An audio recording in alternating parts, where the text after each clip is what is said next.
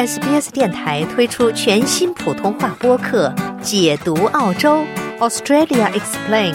在这里，你可以轻松欢快的了解有关澳洲的有趣知识。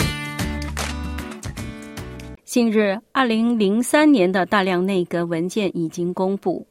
这些文件展示了时任总理霍华德的内阁如何迅速批准了澳大利亚加入美国领导的入侵伊拉克的有争议的决定。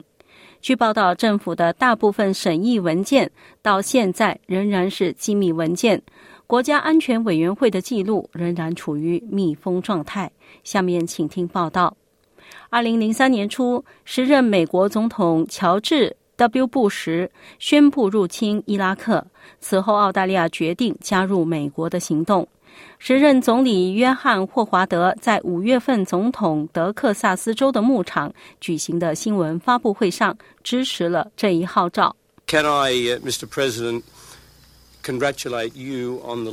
总统先生，请让我祝贺你对世界的领导。你有时会受到严厉的批评，有时会面临很大的阻碍，但是你对必须采取的行动有坚定、清晰的视野。我们最终决定成为该行动的其中一部分。我们感到非常高兴、非常自豪、非常坚定。二十年后。内阁文件揭示了澳大利亚是如何做出加入这个被称为“意愿联盟”的决定的。大卫·李博士是一位内阁历史学家。What we have in this release are some documents of cabinet. Um.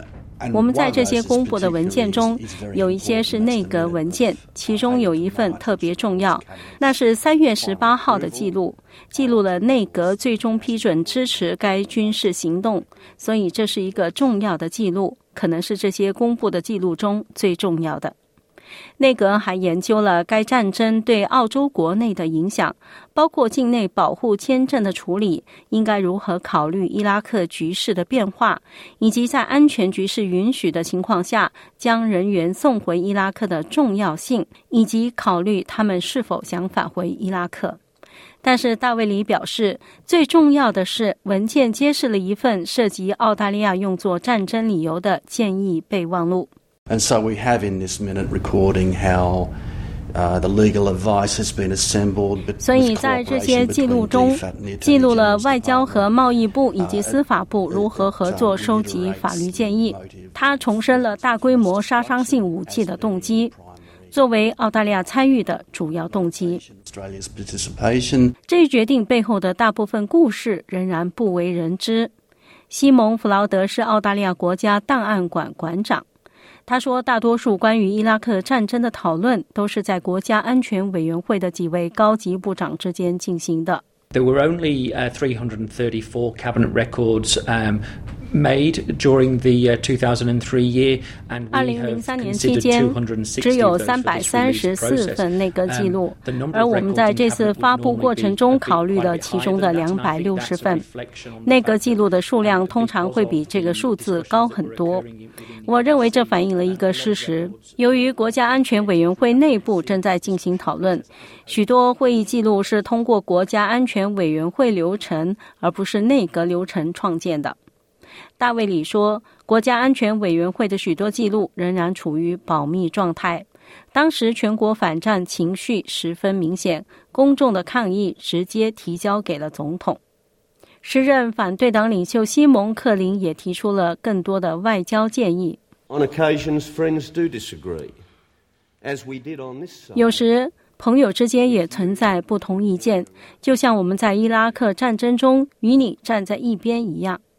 时任国防部长罗伯特·希尔表示，内阁一开始确实认真对待了大规模杀伤性武器的说法。It wasn't one day when we sort of opened our eyes and said, "Gee, that was all."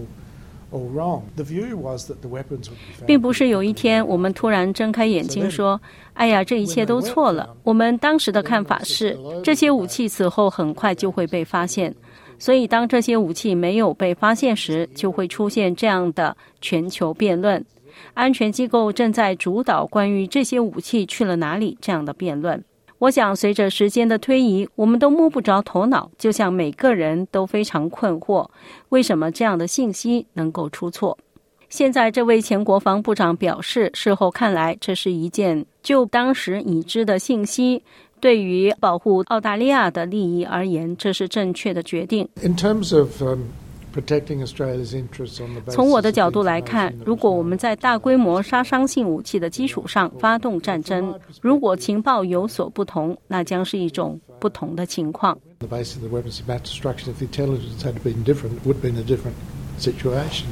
了解澳洲，融入澳洲，欢迎登录 sbs 点 com 点 au 前斜杠 language 前斜杠 mandarin，获取更多澳大利亚新闻和资讯。